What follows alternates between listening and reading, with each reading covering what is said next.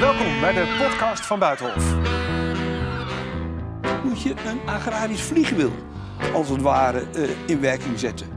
Nou, je moet je voorstellen als je voedsel produceert, iets wat die 18 miljoen mensen drie keer per dag nodig hebben, en je voelt je niet gewaardeerd, dat dat je raakt in de kern.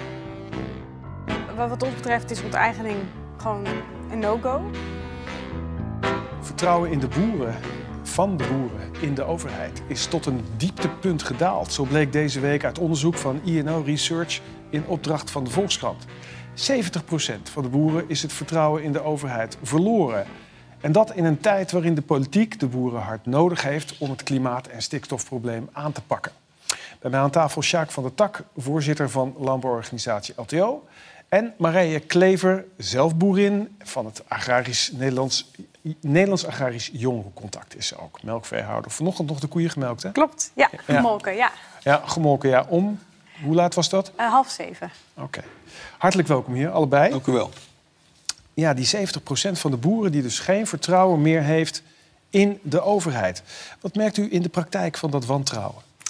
Nou ja, je ziet wel, eh, er zijn niet zo heel veel jonge boeren. En wij merken gewoon wel in ons NEK, dus eigenlijk de jonge boerenclub... eh, dat de ene week is het, je hebt geen vergunning meer. De volgende week is het, eh, we denken aan het halveren van de veestapel. Dan is het weer, los het eh, klimaatprobleem maar op. Dus je merkt gewoon dat eh, er veel op ze afkomt en dat dat ook boos maakt. Want je wil vooral perspectief hebben en vooruit kunnen. Ja, wantrouwen en boosheid bij de boeren, meneer Van der Tak. Zeker. Zeker, dat zie je heel erg. Dat komt inderdaad, zoals Marije zeer terecht zegt... Ja, als je voortdurend stikstofvraagstukken krijgt... en dan uiteindelijk gaat het om massale onteigening van je land... van je grond, van je familiebedrijf... En dan heb je ook de andere kant van de zaak... dat dit vraagstuk eigenlijk al heel lang is. Hè. Het begon, is begonnen met fosfaatrechten. Ook daar is de, al, eigenlijk, zijn al onze boeren al in een verkeerde stand eh, gezet. Namelijk tegen boeren. Terwijl je notabene, met name bij melkveehouders... dat je vee wordt afgenomen Ja. door rechten.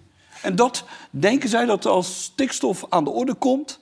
dat dat weer gaat gebeuren. Toch eh, tegen boeren, zegt u. TNO becijfert dat 61% van de totale stikstofuitstoot wordt, komt van de boeren af. Dat is toch ook een factor waar je dan rekening mee moet houden? Zeker, eh, dat is zeker een factor waar je rekent. Maar dan zit je nog in de stand dat boeren in de loop van de jaren... vanaf de 90 jaren al echt veel gedaan hebben. Daar is geen waardering voor gekomen. Nee. Fosfaatrechten, rechten afpakken. Maar 61% Stikstof, is 61%. ja, eens. Volstrekt eens. Maar daarom hebben wij als LTO Nederland... samen met organisaties zoals bijvoorbeeld NAJK... of de Nederlandse Zuivel... maar ook met partijen als VNO-NCW... Natuur en Milieu... hebben wij echte plannen gemaakt. Doortimmerde plannen. Oké, oplossingen komen we later op. Even nog, dat gevoel van miskenning van de boeren. Is dat waar, waar de knoop zit op het ogenblik, volgens u? Nou, je moet je voorstellen als je voedsel produceert, iets wat die 18 miljoen mensen drie keer per dag nodig hebben, en je voelt je niet gewaardeerd, dat dat je raakt in de kern. Ehm, ja, je wil eigenlijk eh, doorgaan met je bedrijf, je wil eh, stappen zetten en je hoort alleen maar dat je niet gewenst bent, terwijl je weet dat je eh, ook heel erg nodig bent. En daar, zit, daar schuurt het. Ja. Daar doet het ook pijn. Ik wil even met u naar de politiek. Want eh, we hebben het over die, die cijfers van vertrouwen. Als er nu verkiezingen zouden zijn, dan zou 68% van de boeren, grote meerderheid, zou stemmen op Boer-Burgerbeweging, BBB van Caroline van der Plas. En daarmee het CDA wegvagen als partij. 4% nog van de boeren zou op uw partij, het CDA, waar u lid van bent, waar u bestuurder voor bent geweest, waar u burgemeester voor bent geweest. U ademt CDA, meneer Van der Tak. Dat moet pijn doen. Dat raakt mij echt in mijn ziel. Weet dat Caroline van der Plas goed verwoordt wat die boeren bezighoudt. Dat doet ze keurig. Er is ook een andere kant. Ik zie dat gelukkig er in het CDA weer in beweging is... want die is eigenlijk al heel lang ontstaan... dat het CDA wat afgedreven is van de boeren. Eigenlijk al in 2012, toen het erom ging... tussen de VVD en de Partij van de Arbeid. En toen hebben heel veel CDA's, CDA van onze boeren... hebben uiteindelijk VVD gestemd. En in de laatste twee verkiezingsprogramma's zie je niet meer... Dat die aandacht vanuit het CDA voor nou ja, het boerenfamiliebedrijf. Voor het boerengezin. En dat, eh, dat raakt mij in mijn ziel. Gelukkig zie ik ook dat er een, een, een ommekeer... Is dat zo? Want we hebben nu Dirk Boswijk, hè, het Kamerlid wat, de woordvoerder is op dit gebied. En die zegt, we hebben gewoon een probleem. We hebben een probleem ook met de boeren. We zullen moeten reduceren. Die veestapel kan zo niet. Is dat het geluid wat u wilt horen van het CDA?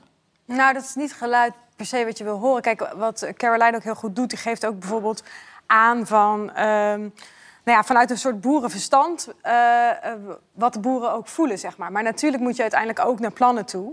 Eh, dus kijk, als je uiteindelijk het probleem stikstof wil oplossen... dan hebben wij ook als agrariërs niet gezegd, daar willen we niet aan meedoen. Nee. Maar je wil er ook een stuk fundament onder hebben wat klopt. En dat maar is wat Boswijk zegt is... de politiek heeft te lang iedereen naar de mond gepraat. Gedaan alsof er geen probleem was. Gedaan alsof we de boeren konden helpen. Maar die veestapel zal minder moeten worden. Heeft hij daar een punt?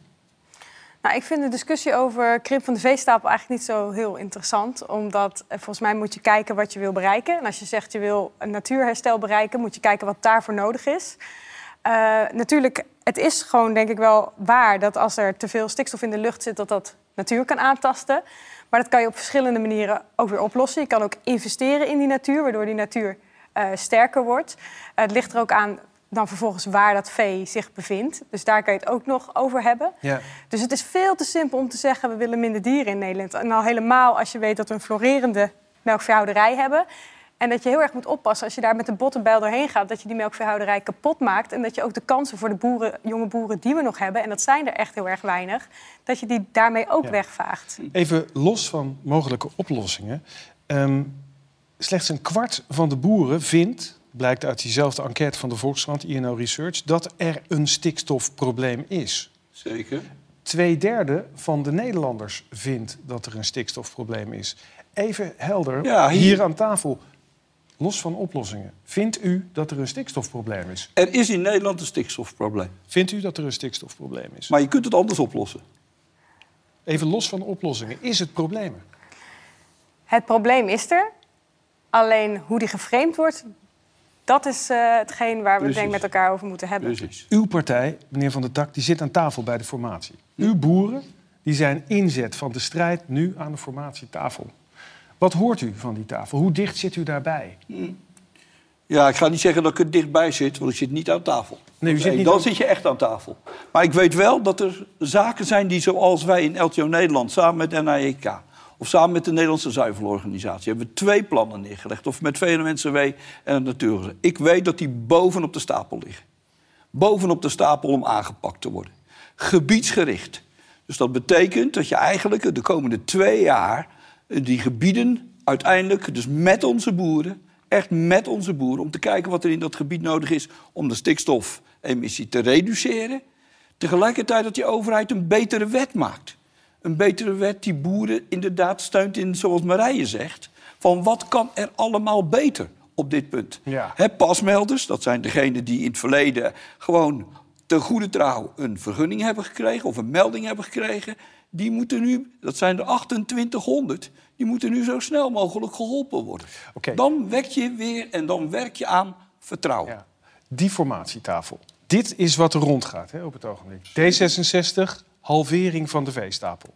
Dat is niet helemaal correct meer. Dat is wel wat in, in hun verkiezingsprogramma staat. Uitkopen, desnoods onteigenen van boeren. Er zijn al bedragen aangekoppeld. Hè? Ministerie van Financiën, 9 miljard. Landbouw, 17 miljard. Te weinig. Dat Kan moet meer geld bij. Nou, let, let u op, als u aan de ene kant zegt van dat boeren perspectief moeten tonen, dan moet je er zorgen. Wij hebben een plan ingediend voor 15,3 miljard. Dat is 1,7 miljard gedurende negen jaar. Maar tegelijkertijd moet je een agrarisch vliegwiel, als het ware, eh, in werking zetten. Namelijk meer inzet op innovatie. Dat doet deze regering te weinig. En ik hoor de formatietafel dat ze dat agrarisch vliegwiel op het punt van innovatie nog niet aanzetten. Ik weet dat heel veel boeren ook een goede stoppersregeling willen. Sociaal. Ja, dat is ook van belang. Piekbelasters. En piekbelasters, dat zijn er echt nog duizenden. Die hebben dus te veel stikstofuitstoot. Ja, die zitten ook vaak bij natuurgebieden. Hè? Die ook vaak natuurgebieden. Maar ook daar zie ik berekeningen. Ik ken bij organisaties die nauw gelieerd zijn aan onze boerenorganisaties... dat die zeggen, naar dat model moet je wel eens kijken... want dat klopt niet helemaal. Nou, ik vind dat dat de overheid flink die komende twee jaar op orde moet komen... met die gebiedsgerichte aanpak. Met het vooruitzicht op van dat boeren weer kunnen boeren... mee kunnen helpen aan de oplossing. En dat je dat de natuur helpt. Ook, want daar zijn ook al miljard van onze plan. Dus kom op, Ja. kabinet, ga aan de slag. Heeft u er vertrouwen in wat er gebeurt aan die formatietafel? Nou, ik vind het echt ontzettend uh, spannend. Ik, ik wil gewoon heel even één voorbeeld geven... wat dat koppelt aan ook hetgeen wat uh, Sjaak van de Tak net zegt. Ik heb voorbeelden van polders. Daar zitten tien boeren. En van die tien willen er maar twee door. Die jongens en meiden die zeggen nu... ja, wat ik nu allemaal hoor, onteigening, uh, nog meer extra... kostprijsverhogende zaken. Ik begin ook te twijfelen. Dan heb je straks een polder. Wie gaat daar iets doen? Hè? Wie gaat dat, dat land betalen? Wie gaat dat onderhouden?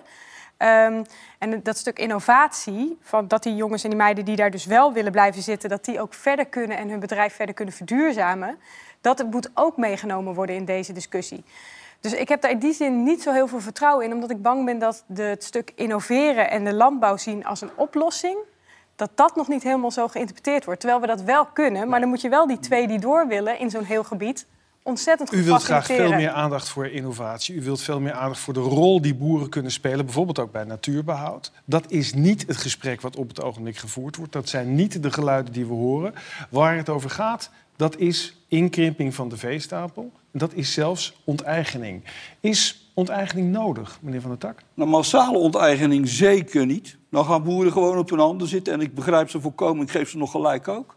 Het belangrijkste element is dat je juist met boeren ervoor zorgt dat er in een gebied kijken wie wel of niet door kan, wie wel of niet kan stoppen. En op basis daarvan, als er dan eens, laten we zeggen, van de 25 boeren twee zijn die zeggen, nou, maar dat doe ik niet aan mee. Kijk, dan vind ik een middel als gerichte, heel individueel toegepaste onteigening gerechtvaardigd. Maar let op, ik ben nooit van inzetten vanaf dag één op massaal onteigenen. Niet, gaat het nu ook niet worden. Niet massaal onteigenen. Even, even een reactie van mevrouw Klever hierop. Onteigening wel gericht en gemotiveerd toepassen. In een enkel geval. Bent u het daarmee eens?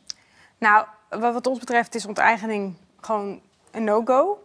We weten wel uit, in het, in het, verleden zijn er ook herverkavelingen geweest. Hè? Dus weer even terug naar dat gebied. Die twee boeren die door willen, die willen het bedrijf ook zo organiseren... dat ze ook die duurzaamheidsprestaties uiteindelijk kunnen organiseren, dan moet er een gebiedsproces waarbij je ook gaat schuiven met gronden. Daar zou je zo'n middel misschien voor nodig hebben om dat te kunnen organiseren. Maar dat is op een andere manier dan onteigening van om boeren weg te krijgen. Eén vraag nog aan u. U heeft het boerenbedrijf van uw ouders overgenomen, hè? Ja. Melkveehouder bent u. Zou u dat op dit moment nog steeds doen? Ik zou wel echt oprecht gaan twijfelen met hetgeen wat er nu boven hangt. Want het verdienmodel, waar ga ik straks mijn boterham mee verdienen, is op het moment gewoon heel onduidelijk. En dan kan je wel een bedrijf overnemen met uh, een miljoen of wat schuld. Um, maar dan hang je eigenlijk je, je, leven daaraan op. En dat, dat kan ik me heel goed voorstellen dat je dat niet wilt. Dus als ik nog een keer de keuze zou maken, dan zou ik oprecht twijfelen. En ik maak me daar ook echt zorgen om dat we te weinig jonge boeren houden op deze manier. Heel hartelijk dank voor dit gesprek. Ja, dank u